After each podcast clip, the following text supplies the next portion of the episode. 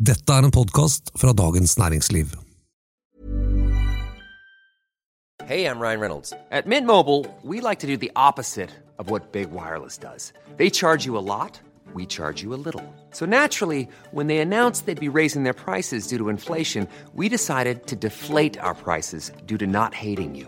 That's right. We're cutting the price of Mint Unlimited from $30 a month to just $15 a month. Give it a try at mintmobile.com slash switch. $45 upfront for three months plus taxes and fees. Promo rate for new customers for limited time. Unlimited more than 40 gigabytes per month. Slows. Full terms at mintmobile.com. When you need mealtime inspiration, it's worth shopping Kroger, where you'll find over 30,000 mouthwatering choices that excite your inner foodie. And no matter what tasty choice you make, you'll enjoy our everyday low prices, plus extra ways to save, like digital coupons worth over $600 each week. You can also save up to $1 off per gallon at the pump with fuel points. More savings and more inspiring flavors make shopping Kroger worth it every time. Kroger, fresh for everyone. Fuel restrictions apply.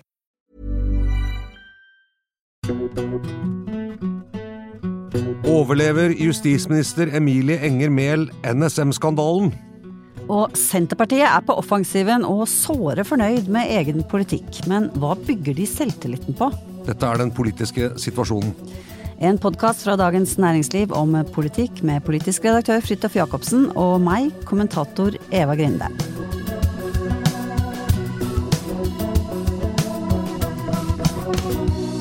Ja, Fridtjof, fredag så smalt det igjen, gitt, i norsk politikk. Dette er liksom året da politikk bare gir og gir.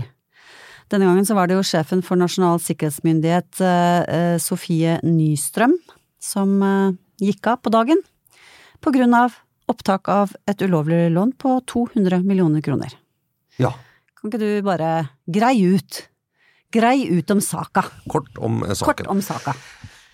NSM, Nasjonal sikkerhetsmyndighet, eh, som har en masse ulike oppgaver eh, med å holde Norge trygt, verne oss mot cyberkriminalitet, eh, drive opplæring, sikkerhetsklareringer, de holder på med mye forskjellig.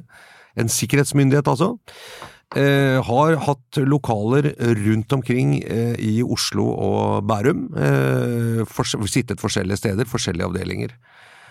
Eh, Så ønsket de å samle ganske mye av virksomheten på ett sted, eh, og da fant de et lokale på Fornebu, rett ved gamle flyplassen på Fornebu, Snarøyveien 36, tror jeg det er, og ville leie seg inn der, eh, og flytte en del av virksomheten fra forskjellige ting og inn der, felles lokalisering. Og i den forbindelse så ble det inngått en leiekontrakt eh, med et selskap som heter Norwegian Property, Jon Fredriksen-kontrollert selskap, eiendomsselskap. Og så var det jo slik at når de skulle flytte inn der, så var det behov for å utstyre bygget med en eh, god del løsninger som var tilpasset driften deres. Det gjelder jo eh, en del eh, sånn IKT, altså datastruktur, selvfølgelig. Eh, Det gjelder innredning, eh, det gjelder helt sikkert en del hemmelige ting som handler om å trygge det mot eh, ja, lage sånn for sluser, altså en del sånne ekstra ting, og noen møbler og alt sånt man har på et kontor. Og da Sånn som man ikke, altså, og pluss disse tingene som da ikke fins på et vanlig kontor, som man da måtte investere i fordi det er ganske spesielle behov, ikke sant? Ja, særlig da på Mye av dette er jo hemmelig hva de har, men, men, men det gjelder jo en del ganske tunge investeringer i, i IKT, altså data og sånn, som også med sikkerhetsløsninger. Og, videre. og da gjorde de som man veldig ofte gjør i, i leiemarkedet, har jeg lært denne uken, nemlig at man eh, i leiekontrakten har en del som er på en måte leie av gulv og tak og vegger og ventilasjon og basic ting, og så alt det som er spesialtilpasset for utleier, det må utleier betale for, og det gjøres ofte ved at eh, det blir satt opp etter utleiers spesifikasjoner, eh, bygging og, og innredning, og så betales det tilbake til, nei, til leie, etter leietagers spesifikasjoner, unnskyld, og så betales det tilbake til utleier over tid med en viss rente.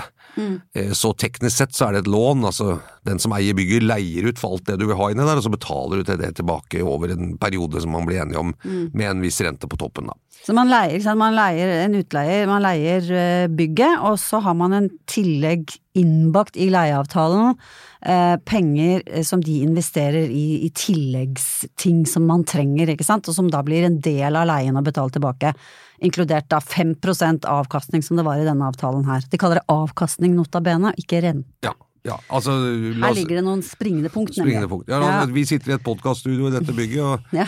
DN leier en del eh, etasjer i dette bygget, og så sier jeg vi, vi hadde innredet på den og den måten med så og så mye, så sier leietager, eh, sånn kjenner jeg ikke den avtalen, men sier ja det kan vi godt bygge for dere, men det må dere betale for, og så, og så Ja. legger vi ut, og så betaler det ned. Så, bare, så, så det er liksom er litt viktig denne NSM-saken at den avtalen som ble inngått, og kan det godt hende at hun var litt for raus med interiøret og, og at det var litt eh, dårlige betingelser på dette utlegget og sånn, men, men det er en ganske vanlig leieavtale i eiendomsmarkedet. eh, At man må betale for innredningen, på en måte, og, og det gjøres ofte da gjennom en sånn type nedbetaling over tid med renter, altså et teknisk sett et lån. Og så er det da hva er skandalen? Jo, justisministeren sa at statlige institusjoner har ikke adgang til å oppta lån, eh, og dermed har hun brutt en masse viktige regler, både i statens bevilgningsreglement og i Grunnloven osv., fordi eh, statlige etater kan ikke ta opp lån, det er, Stortinget som skal bevilge alt som går til å drive staten, eh, og da kan ikke de påta seg forpliktelser uten at Stortinget har, har godkjent det, og dessuten hvorfor skal staten ha råd til å betale for alt? Dermed har hun brutt mange viktige regler, dermed måtte hun gå av på dagen. Det var korthistorien. Ja, eh, ja, da har jeg bare lyst til å si én ting, for at eh, aller først, fordi det der prinsippet er jo ganske, det gir jo ganske mening, ikke sant? At underliggende etater og altså staten, norske staten er svær, med masse folk med ulike typer myndigheter, ikke sant, som sitter på toppen av etater og så videre. Hvis de skulle begynne å ta opp eh, lån til utgifter utover det de har fått bevilget i statsbudsjettet, eh, så vil de jo plutselig være skyldige en masse penger. Man, man mister jo da oversikten over statens utgifter, ikke sant. Og skattebetalerne kan komme i en situasjon hvor de plutselig er skyldige en masse ja? Så det er prinsippet, at, at, at penger som skal brukes av staten, skal bevilges av Stortinget. Det er for at man skal kunne ha et, et oversiktlig statsbudsjett og så videre. Og, og pengebruken skal man kunne ettergå. Så, så det er liksom prinsippet om at man ikke kan låne. Men, men er det ikke også et springende punkt her, dette med at eh, den avtalen som da Justisdepartementet først så utkastet til, der står det jo faktisk eh, beskrevet en sånn type finansiell avtale. Eh, om, med 5% avkastning og så. Eh, og den, den, eh, den gjorde ikke at Justisdepartementet bremset, og der har jo justisminister Mehl vært litt sånn uklar på burde de gjort det eller ikke gjort det. Hun sier jo at neimen den type avtale er vanlig, har hun sagt. Den type finansiell avtale er vanlig, men det som har skjedd i ettertid, og som gjorde at hun, eh, sjefen for NSM, måtte gå, var jo en, en endring, en, en, eh, en deling av leieavtalen og låneavtalen, pluss at låne, lånet ble større, pluss at tilbakebetalingsrenten var 10% pluss at utleier kunne kreve tilbake lånet eh, i sin helhet i løpet av én måned, ikke sant. Sånn at betingelsene for dette lånet ble mye mer sånn lån med stor L, da. Mens den her innebygde leieavtalen som de først hadde, og som Justisdepartementet så og ikke lot alarmen eh, gå ved, ikke sant, den, eh, den er såkalt mer innafor. Men det som jeg tror kanskje kan komme nå, er jo en diskusjon om hvorfor er det greit, for det er jo også en type lån. Ja, og, det- og Jeg, jeg hører at dette blir litt teknisk, jeg håper det går an å forstå hva jeg sier nå, men eh, Jo, jo, men det som, ikke sant, og det du var inne på her er jo rart er at ok, NSM gjør noe de ikke skal i forbindelse med en veldig åpen prosess, nemlig at de skal leie seg nye lokaler. Eh, Hvorfor har ikke noen oppdaget hva de var i ferd med å gjøre? Og så ble det sagt nei, NSM gjorde dette på egen hånd, de spurte ikke oss, hun bare gjorde det, på en måte, og vi fikk ikke beskjed. Det ville jo selvfølgelig vært eh, veldig kritikkverdig. Og så sa jo Nystrøm selv at nei, vi, vi har hatt denne typen avtaler lenge, og det var jo også klart at også dette på Fornebu var en sånn type avtale. Og der ligger det altså et dokument som viser, litt sånn kryptisk formulert riktignok, om at eh, vi skal leie lokaler, og så skal de utstyres på en spesiell måte, og betalingen for det utstyret vil, vil bli avbetalt over liksom så og så mange år, som en annuitet, som det står, med en rente sånn og sånn. Det så det er jo noen indikasjoner her på at Justisdepartementet i hvert fall burde forstått at det var noen form for sånn låneelement i den avtalen eh, før den ble inngått. Ja, det er jo nettopp det, og det er jo det hun nå får noen spørsmål om også. Hvorfor var det ikke allerede der grunn til å stille noen spørsmål, ikke sant? Men det er jo også åpenbart, eh, i hvert fall så eh, på, sies det med veldig stor tyngde og klarhet, at at NSM endret eh, avtalen med utleier mellom det de viste fram til Justisdepartementet og fikk på en måte godkjent, eller i hvert fall ikke stoppet, og, eh, og, og det som gjorde at dette ble oppdaget nå, da de, da de faktisk etterspurte mer penger fordi de måtte betale på lån og avdrag. Og da, dette var jo nå i høst, ikke sant, og da gikk jo alarmen, var sånn lån og avdrag, unnskyld, hva er dette for noe? Ja. Mens hvis den fortsatt hadde vært inne som en sånn integrert del av leieavtalen, så så tror jeg den ville vært mer, eh, mer oversiktlig, og, og altså det er en, en, type avtale som man da vet omtrent hva man har får av utgifter de nærmeste tiårene, på en måte. Mens hvis du tar opp lån på denne måten de til slutt gjorde, så blir det den uforutsigbarheten, så det er en annen type lån, da. Ja, og her, her er vi inne ved sånn, som jeg syns er litt sånn kjernen i saken her. har NSM inngått en type husleieavtale som ingen andre gjør, eller har de inngått en ganske vanlig husleieavtale? Og i dag, mens vi sitter her, så har jo eh, Dagens Næringsliv akkurat publisert en sak om at Justisdepartementet også hadde et låneelement i sin husleieavtale i Nydalen der de har lokaler. Det vil si at når det lokalet i Nydalen skulle utstyres sånn som Justisdepartementet trengte for at det skulle virke, det er blant annet veldig mye sikkerhet og, sikkerhet, og nye møterom og, og, masse infrastruktur og masse veggene osv., så, så er husleieregningen deres på en måte delt i to. Én ting er leie av lokalene, sånn og sånn, og det andre er her er regningen for alt vi har måttet bygge for dere inni der, det skal betales ned over så og så lang tid med en viss rente, eller om det er rente, skal, skal ikke si, men det er en en måte vi har lagt ut innredningen for dere, og så må dere betale den ned. Summen blir jo da en husleie, eh, ikke sant, det er bare to litt forskjellige ting. Eh, og det er ikke sikkert den husleia er noe særlig uh, Altså, den er kanskje helt rimelig og fair, den, men, men det er det med at, uh, med at når du skal liksom Hvis, hvis man skal man, når man kommer i et nytt så trenger man jo masse innredning og møblering, og så er det hvordan skal det betales? Skal det betales cash av staten på forhånd? Hvem skal eie det når det er ferdig, osv., eller skal det være bakesinn som en del av husleia? ikke sant? Ja, men jeg, jeg tror, min oppfatning, sånn som jeg har oppfattet saken, er at det er et, et, et, springende punkt mellom det at den bakes inn i husleien, og, og dermed derigjennom blir forutsigbar, i den forstand at i løpet av ti år så skal det være tilbakebetalt med 5% avkastning, og det å skille de to tingene, altså leie på den ene siden, og lån som en sånn selvstendig avtale som, som er mitt inntrykk at det var det NSM gjorde, og det var det som gjorde at hun måtte gå. Og det var det som gjorde at, de fikk, at utleier fikk en sånn avtale om at de kan si opp lånet på én måneds varsel. For eksempel, og det tror jeg ikke går an hvis det er innbakt i husleia. Ja, det men så ble det, når det ble sagt av Mehl, så var det veldig sånn den typen liksom at man i det hele tatt har noe som ligner ja. på et lån. Og det var litt interessant, fordi at dette har jo vært tema før. Blant annet er det sånn for en del helseforetak, eh, når det skal utrustes sykehusbygg, at man inngår det som kalles i dette leielingoen for en finansiell avtale. Det vil si, man får bygd noe, og så betaler man det over tid med en rente. Da, men, og så sier de at det må likestilles med lån, ja. sier de.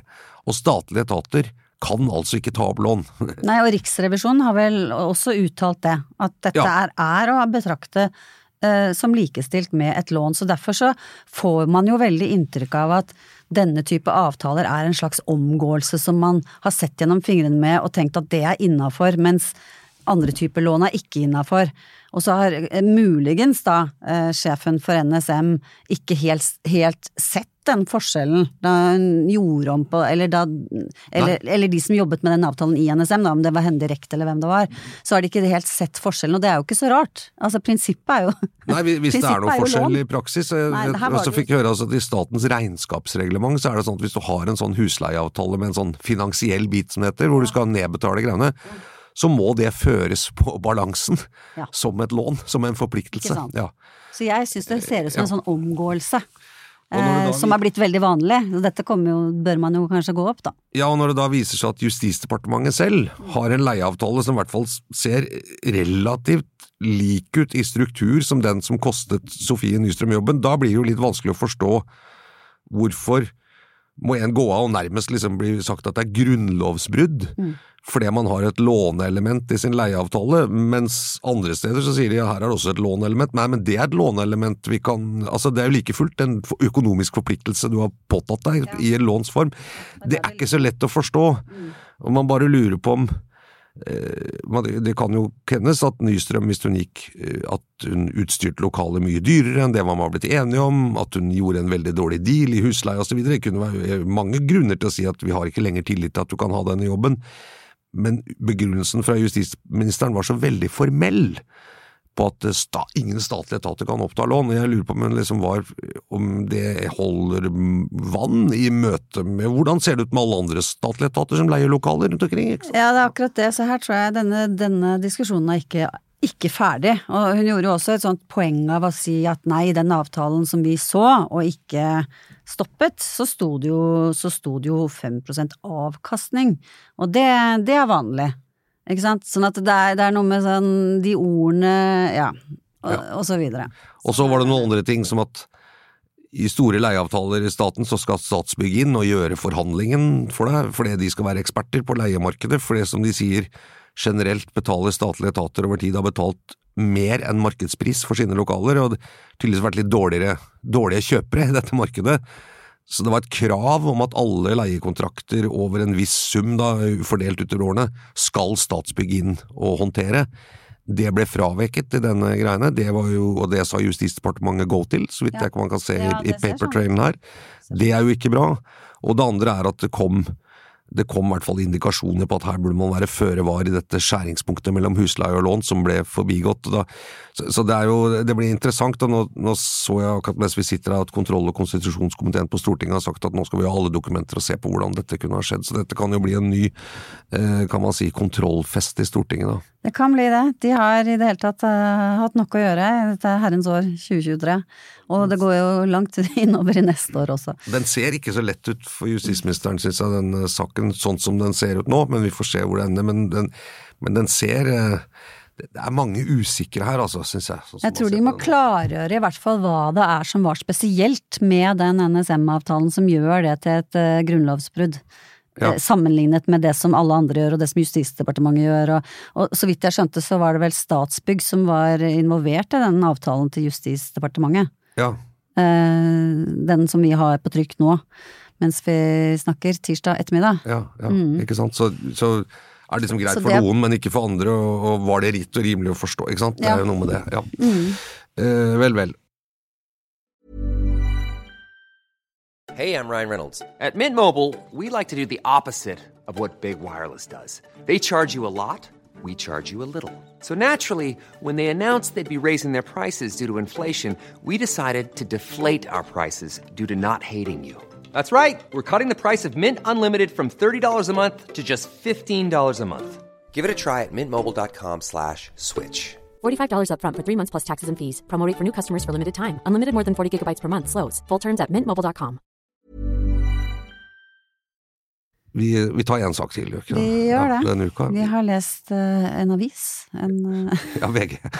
Lest VG, det det gjør vi ofte. avis, sier vi bare, Ja. sånn som de gjør. Veldig, mye bra politisk journalistikk i VG, det må vi si. Uh, vi har festet oss ved et, et intervju med Senterpartileder Trygve Slagsvold Vedum, og det, det kommer liksom på bakgrunn av, av, av eh, konstitueringen av Senterpartiets programkomité, Eva.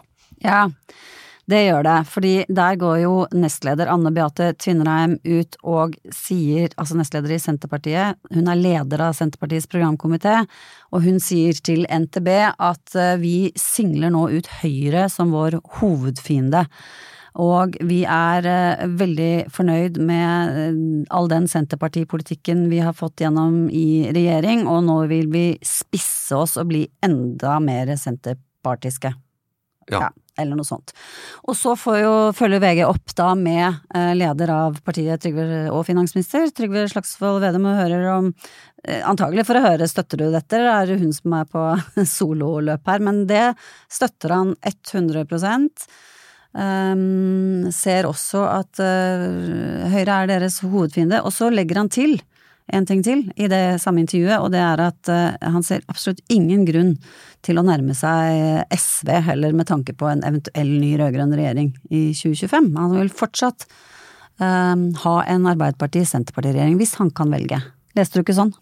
Jo, nesten enda sterkere. Han sier vel det er ikke aktuelt for oss å sitte i regjering med SV, for sånn leste i hvert fall jeg det, at han ga uttrykk for. Ja, Det fungerer godt slik som nå.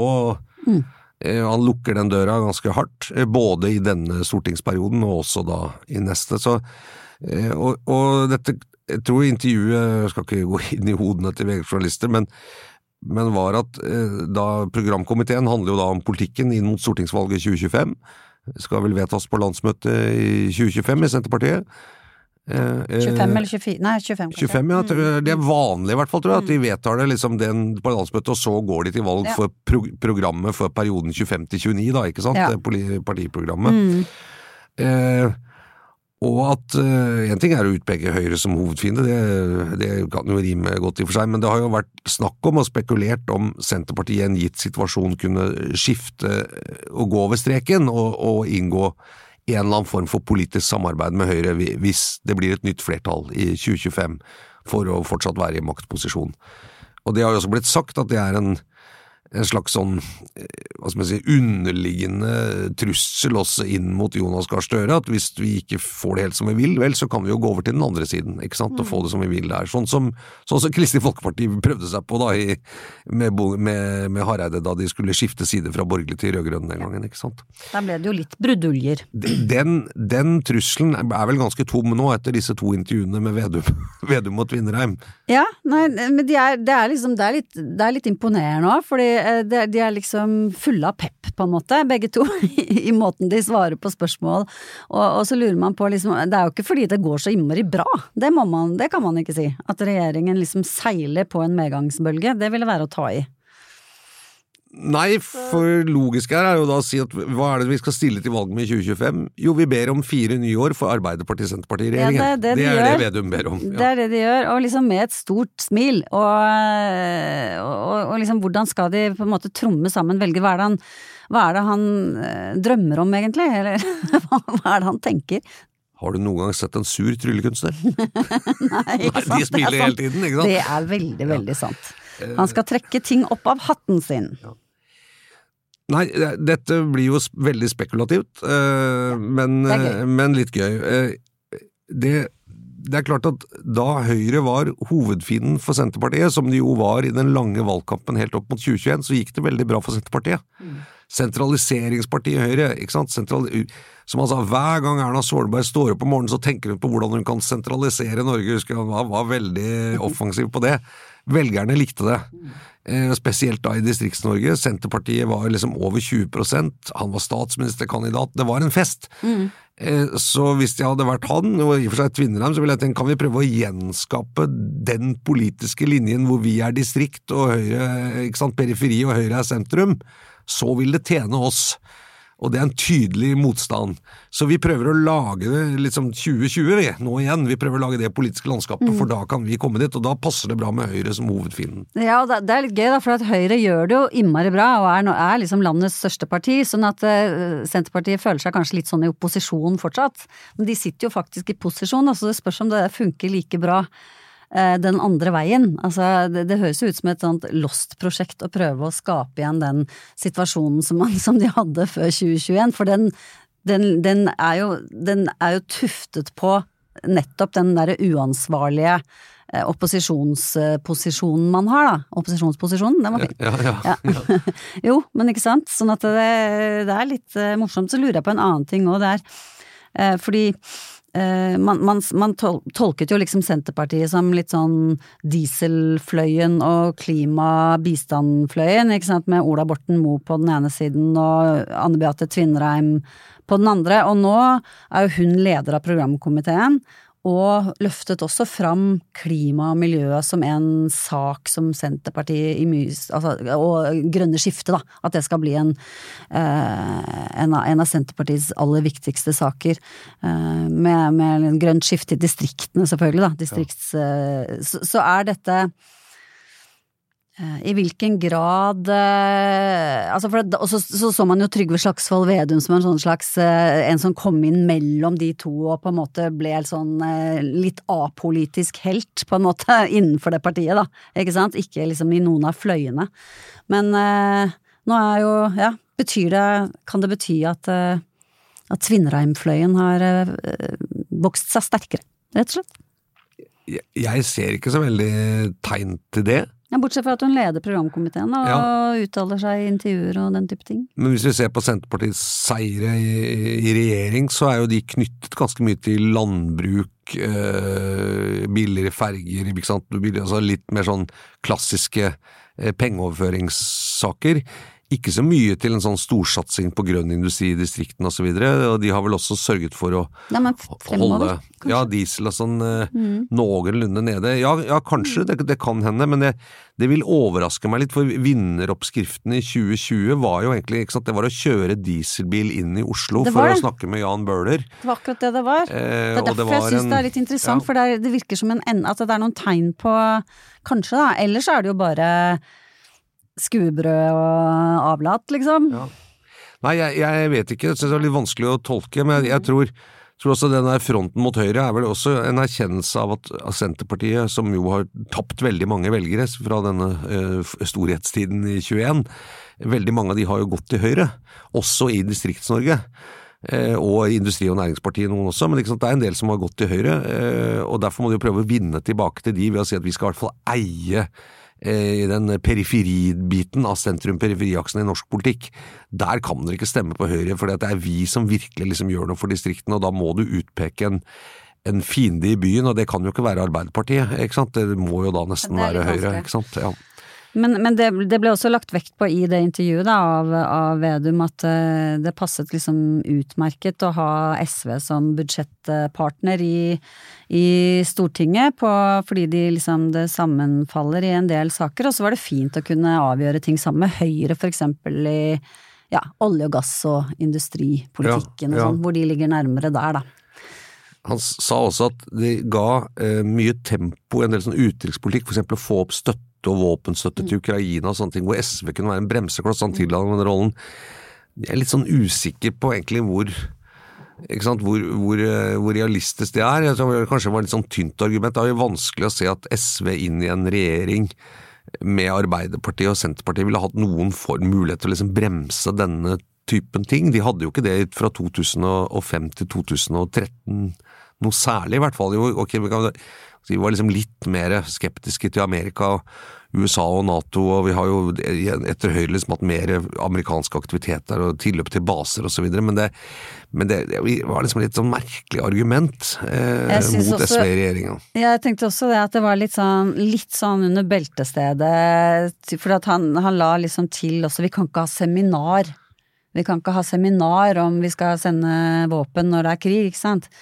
Eh, Og det er liksom den der sånn klassiske kritikken av SV, og at eh, Senterpartiet liksom er et sånt jordnært handlingens parti, mens SV er sånn rødvinsseminar og sitter og diskuterer prinsipper og ikke sant, han kjørte den Jeg bare så den mellom linjene der, det er liksom gratispoeng, da. Og jeg, det, det, tyder jo, det tyder jo på at de mener alvor med at de ikke, ikke, har, ikke tenker å samarbeide med dem. At ikke det ligger i korta. Man kan jo si at akkurat når man ser hvordan Senterpartiet, Arbeiderpartiet og den regjeringen ligger an, så kanskje det hadde vært lurt med et lite seminar for å finne ut hvordan man skulle Ja. prøve å ha noen som helst sjanse til å beholde den regjeringsmakten, hvis, hvis det er et poeng, da. Eh, men det er jo uansett så må vi merke oss at det er jo, eh, det er jo ballsy, for å si det sånn, av Trygve Slagsvold Vedum å si at det åpenbare regjeringsalternativet for oss i 2025 er akkurat den regjeringen vi har i dag. Det skal vi gå til valg Ja. på, og det har vi skikkelig troa på. Da tenker jeg ja, da, da, du, da har du jo selvtillit, da. Det er jo ikke så mye i tallene som akkurat tyder på at dette er noe regjeringsalternativ som er veldig, veldig populært. Da. Nei, men så, så er det litt sånn, man vet, vi vet jo det med liksom våre venner menneskene og psykologien og så videre, at selvtillit er veldig tiltrekkende. Sånn at vi som liksom Bare se bort fra fakta. hvordan Jeg sitter på vinneroppskriften. Ja. Tro meg. Ja, ja. Men, men den, den derre eh, debatten om Senterpartiet, som i og for seg, hvis man ser på det, kunne nok samarbeidet med Høyre. Eh, kunne det, altså. Eh, det, er ikke, det er en del fellespunkter eh, og en del borgerlige elementer i Senterpartiets politikk, og de har jo vært veldig opptatt av også i dette SV-gamet å si at vi er nærmere sentrum enn Arbeiderpartiet. ikke sant? De jo, de, de posisjonerer seg jo der. Eh, og det har vært snakk om det før 2017-valget, det har vært snakk om det før 2021-valget. Kunne Senterpartiet i en gitt situasjon være på en måte et, et ekte sentrumsparti som kan samarbeide på begge sider, avhengig av hvor de får gjennomslag for sine nøkkelting, ikke sant? landbruk, eh, distrikt, holde Norge utenfor EU. Eh, Og politisk så skulle vel det kunne gå an, men, men med denne retorikken mot Høyre, så eh, hvis de hadde funnet på å gjøre det nå etter valget, så hadde det i hvert fall vært, eh, da hadde det vært veldig lite troverdighet hos partiets leder og nestleder. da.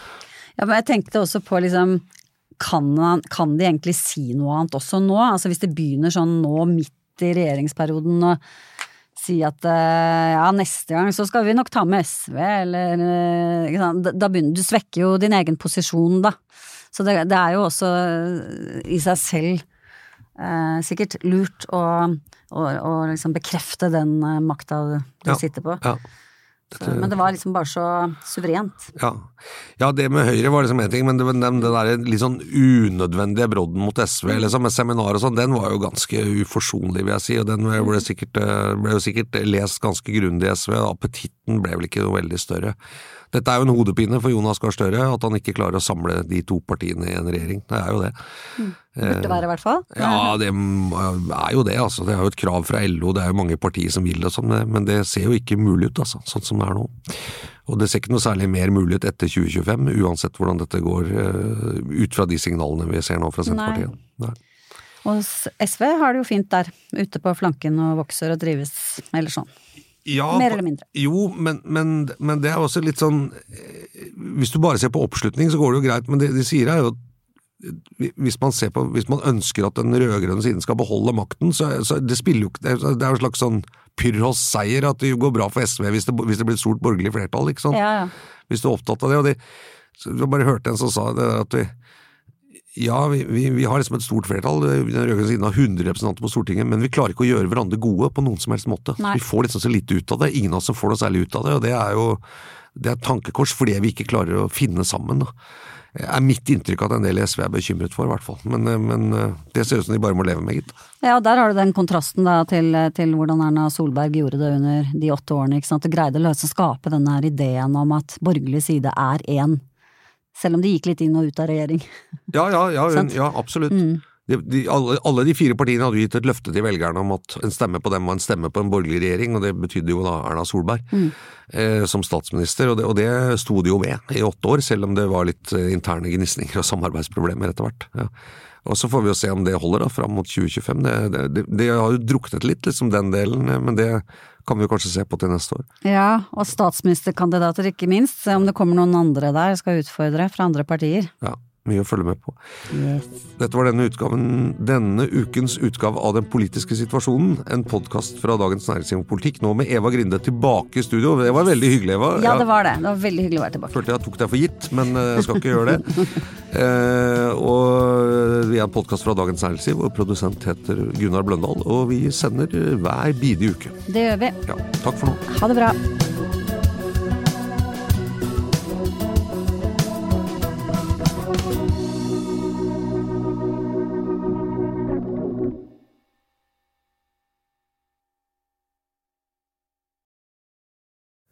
Du har nå hørt en podkast fra Dagens Næringsliv.